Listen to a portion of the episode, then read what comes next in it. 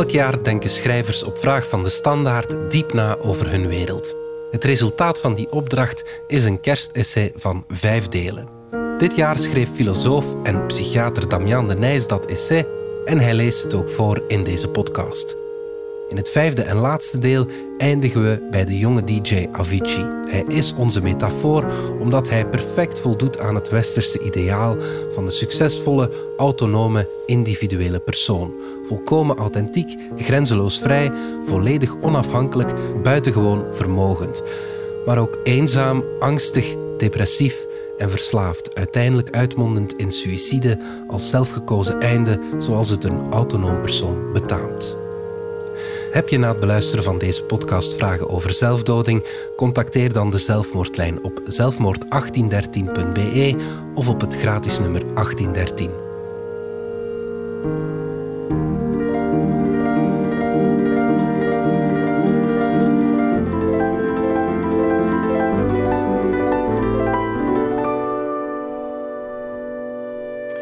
Deel 5. Onbehagen en lijden. Men kan zich niet aan de indruk onttrekken dat de mensen gewoonlijk met verkeerde maatstaven meten. Het zijn naar macht, succes en rijkdom voor zichzelf streven en die zaken bij anderen bewonderen, maar de werkelijke waarde van het leven onderschatten. Op die manier opent Freud in 1930 het onbehagen in de cultuur. Freuds voorgevoel is tijdloos. Al sinds een ver verleden heeft de mens zich een ideaalbeeld van almacht en alwetendheid gevormd dat hij in zijn goden belichaamde. En thans heeft hij de verwezenlijking van dit ideaal zeer dicht benaderd en is hij bijna zelf een god geworden. We moeten echter niet vergeten dat de tegenwoordige mens zich in zijn godsgelijkheid niet gelukkig voelt. De mens is een soort prothesengod geworden. Groots wanneer hij al zijn hulporganen aandoet, maar ze zijn niet met hem vergroeid en bezorgen hem soms nog heel wat last. Overigens mag hij zich troosten met de gedachte dat deze ontwikkeling nu niet direct met het jaar 1930 afgesloten zal zijn. Verre tijden, zegt Freud, zullen nieuwe, waarschijnlijk onvoorstelbare grote vorderingen op het gebied van de cultuur brengen en de godsgelijkheid nog doen toenemen. Zoals Freud voorspelde, is de godgelijkheid toegenomen en met die status ook het maatschappelijk onbehagen en psychisch lijden. Maatschappelijk onbehagen wordt begrepen als een bezorgdheid onder burgers over de precaire toestand van de samenleving door een gevoel van oncontroleerbare verslechtering. Dat onbehagen vertaalt zich in wantrouwen, ideologisch gemis, uitholling van de politieke macht, verlies aan gemeenschapszin en sociaal-economische kwetsbaarheid.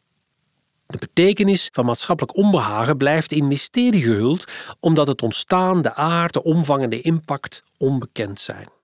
In navolging van socioloog Norbert Elias geloof ik dat bewegingen van de samenleving worden overgedragen op individuele psychologische functies en omgekeerd. In de westerse samenleving loopt het maatschappelijk onbehagen parallel met een toename aan psychische klachten. Die toename betreft vooral milde tot matige geestelijke gezondheidsproblemen, als depressie, angst en verslaving, en treft vooral jonge mensen. Daarnaast is een oud probleem als burn-out, dat in niets verschilt van psychasthenie uit de 19e eeuw, opnieuw manifest geworden en duiken nieuwe problemen op, waaronder eenzaamheid. Ook de betekenis van het psychisch lijden blijft in mysterie gehuld, omdat het moeilijk kan worden gerijmd met een groeiende welvaartssamenleving die ons gelukkig maakt. Waarom zijn we zo gelukkig en zo gestoord? Ik geloof dat het onbehagen en lijden de uitdrukking zijn van het failliet van een verlangen naar individuele autonomie. Van de verabsolutering van dat verlangen van de frustratie niet aan het ideaal te kunnen voldoen, en van de ontgoocheling er eenmaal is aan voldaan, en van de negatieve gevolgen van de sociale processen met de welke onze autonomie betrachten. Lang hebben we geloofd in de positieve kanten van individualisering, globalisering, technologisering en digitalisering, maar ze leiden ook tot negatieve kanten, waaronder verlies aan gemeenschapszin, verlies aan betekenis, aan realiteitszin en aanvaarding van menselijke beperking. Uit dat onvermogen en verlies begrijp ik de toename van respectievelijk eenzaamheid, depressie, angst, verslaving en burn-out. Eenzaamheid. Hoewel de bedrijvigheid op social media nooit eerder zo omvangrijk was en we koketteren met aantallen volgers, vrienden en contacten, is het gevoel van eenzaamheid niet eerder zo hoog geweest. In 2017 bestempelde de Amerikaanse chirurg Vivek Murthy eenzaamheid als een groeiende epidemie. Dat was vroeger niet zo. Eenzaamheid kon men in 1674 nog terugvinden op de lijst van weinig gebruikte woorden, samengesteld door filosoof John Ray. Sinds kort wordt eenzaamheid geduid als een toenemend wereldwijd probleem. Een fenomeen dat met interesse wordt onderzocht door media, academici en overheden. Er wordt als oorzaak verwezen naar de veranderende sociale context. Het moderne leven in geïndustrialiseerde landen vermindert de kwaliteit van sociale relaties omdat mensen niet langer in de nabijheid van hun familie leven. Is het verwonderlijk dat de mensen zich eenzaam voelen in een samenleving waar we alleen aandacht hebben voor het individu? Hoort eenzaamheid niet tot de consequentie van onze radicale keuze voor individualisering? Het verlies van sociale verbondenheid, van een directe fysieke ontmoeting en dus van contact met anders zijn, de gunste van een virtuele connectiviteit, is ook een gevolg van de technologisering en de digitalisering. In Nederland, vergeef me dat ik opnieuw over Nederland spreek, maar het land becijfert nu eenmaal alles. In Nederland wordt eenzaamheid sinds kort met een schaal gemeten. Ruim 1 op 4 Nederlanders voelt zich eenzaam en 1 op 10 lijdt aan ernstige eenzaamheid. In de bruisende metropool Amsterdam voelen 300.000 van de 800.000 Amsterdammers zich eenzaam, waarvan 80.000 chronisch en ernstig. Eenzaamheid eist zijn tol. In een dichtbevolkt land als Nederland gebeurt het vaker dat mensen maandenlang dood in huis blijven liggen. Pas wanneer de buren worden gealarmeerd door stankoverlast of vliegen, trekken ze aan de bel. Zo werden in oktober twee dode vrouwen aangetroffen in een woning in een dichtbevolkte wijk die al in juli waren overleden. Ze leidden een teruggetrokken bestaan en hadden weinig contact met anderen, zo werd gemeld. Onder druk van de publieke opinie wordt fors gelobbyd om eenzaamheid te verheffen tot een psychische stoornis. De Duitse psychiater Manfred Spitzer spreekt onder meer over een ernstige en dodelijke ziekte. sommigen schrijven zelfs psychotherapie en antidepressiva voor. Mijn gezond verstand zegt dat eenzaamheid geen stoornis is, maar een normaal gevoel door een essentieel tekort. En dat tekort uit zich in drie varianten. Er is de sociale eenzaamheid door het tekort aan betekenisvolle contacten. Er is de emotionele eenzaamheid door het tekort aan individuele erkenning. En er is de existentiële eenzaamheid door het tekort aan bestaansgronding. Individualisering accentueert die tekorten door vermindering van sociaal contact, door aandacht voor het zelf eerder dan voor de ander en door het verdwijnen van een draagvlak uit de culturele gemeenschap. Depressie. Op elk moment hebben wereldwijd naar schatting meer dan 300 miljoen mensen een depressie. Dat is 4% van de wereldbevolking. Tussen 2005 en 2015 steeg de prevalentie van depressie met bijna een vijfde. We moeten wel voorzichtig blijven met cijfers. Tegenwoordig is depressie zo'n leeg begrip dat men er inhoud aan moet geven alvorens het in de mond te nemen. Voor mij betekent depressie primair betekenisloosheid. Waaraan alle andere DSM-symptomen uit het handboek, zoals somberheid, apathie, anedonie, vermoeidheid en stoornissen in slapen of eten, secundair zijn. Tijdens een depressieve episode ontvouwt er geen betekenishorizon. Alles schijnt waardeloos. Elke inspanning lijkt nutteloos en overbodig. Wat voorheen als vanzelfsprekend werd ervaren, koken, wandelen, lezen of slapen, kost nu onoverkomelijke inspanningen. Men is levensmoe omdat er niets is te doen en omdat er niets wordt gedaan, wordt men levensmoe. Ook al is de wereld niet duidelijk veranderd. De partner, de kinderen, het werk, de tuin en de lente.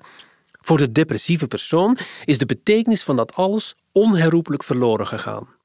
Familie, vrienden en naaste omgeving begrijpen er niets van. Hoe durf je te somberen als anderen het zoveel slechter hebben en bij ons alles hetzelfde even goed is gebleven? Hoe verzeilen jongeren in betekenisloosheid? Door tekort zal men denken, maar het is door overdaad. Er is voor hen een teveel aan alles. Betekenis vraagt begrenzing.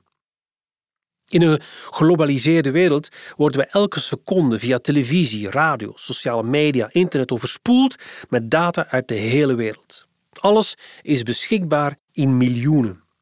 Ik heb toegang tot meer dan 30 miljoen muzieknummers op Spotify, 125 miljoen uur aan streamingcontent op Netflix, 32 miljoen boeken op Amazon, 27 miljoen wetenschappelijke artikelen op PubMed en meer dan een miljoen foto's op Instagram.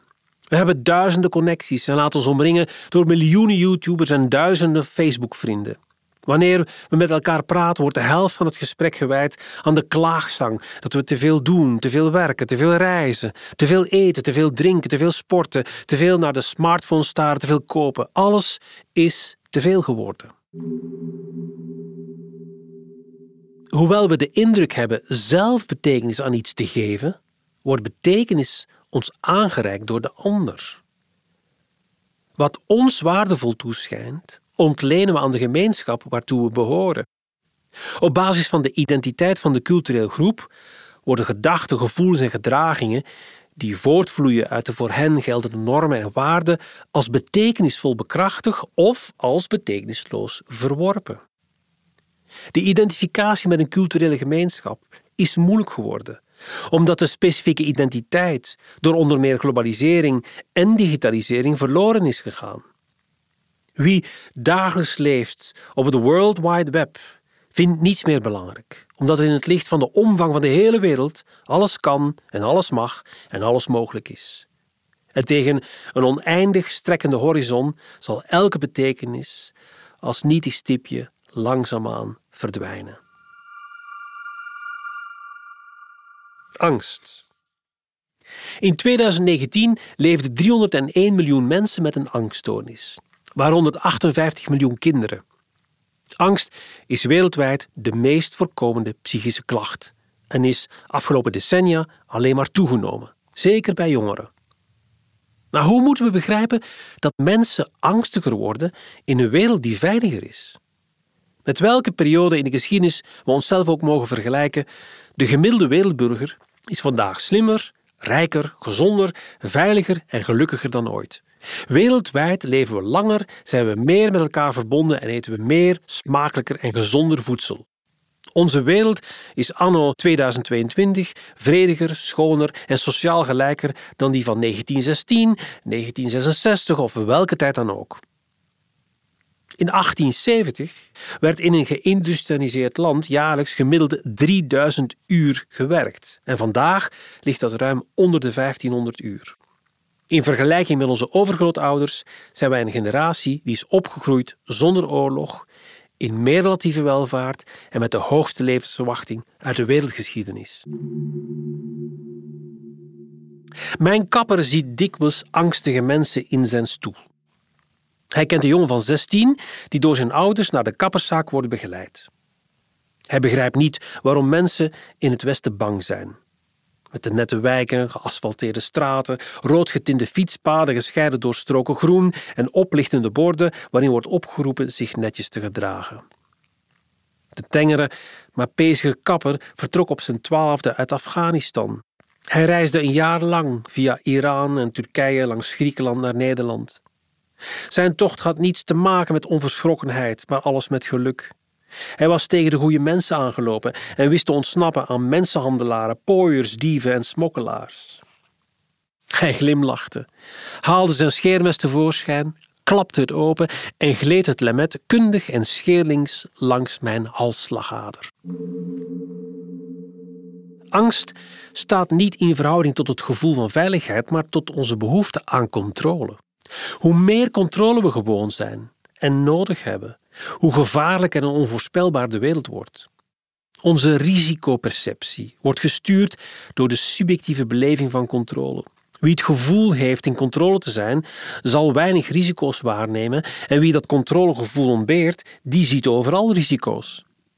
Daarom nemen CEO's het makkelijkst de meest moeilijke beslissingen. Controle is een belangrijke deugd geworden in onze samenleving. Wie controle heeft over het leven wordt beschouwd als een geslaagd en evenwichtig persoon. Controle wordt ons aangepraat en duur aan ons verkocht. Eerst door ons angst in te boezemen om ons nadien af te kopen met veiligheidscoaches, winterbanden, opleidingen, verzekeringen, medicijnen, beveiligingscamera's, etc. Onze controlebehoefte en geloof in maakbaarheid is zo groot dat we het geslacht van onze kinderen willen bepalen, infecties voorgoed willen uitbannen en het weer willen veranderen en de tijdstippen en de omstandigheden van onze dood willen vastleggen. In het licht van dit absolute verlangen wordt de wereld inderdaad steeds gevaarlijker en onvoorspelbaarder. Gelukkig en gestoord. Waarom stijgen mentale problemen?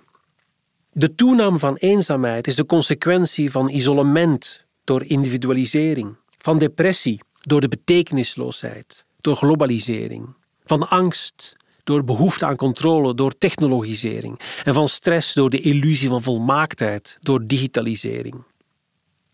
Omdat psychisch lijden in het licht van het ideaal van de individuele autonomie, wat onlogenbare garantie moet zijn voor succes, niet is toegestaan, wordt psychisch ongenoegen enkel verdragen door identificatie met psychische stoornissen.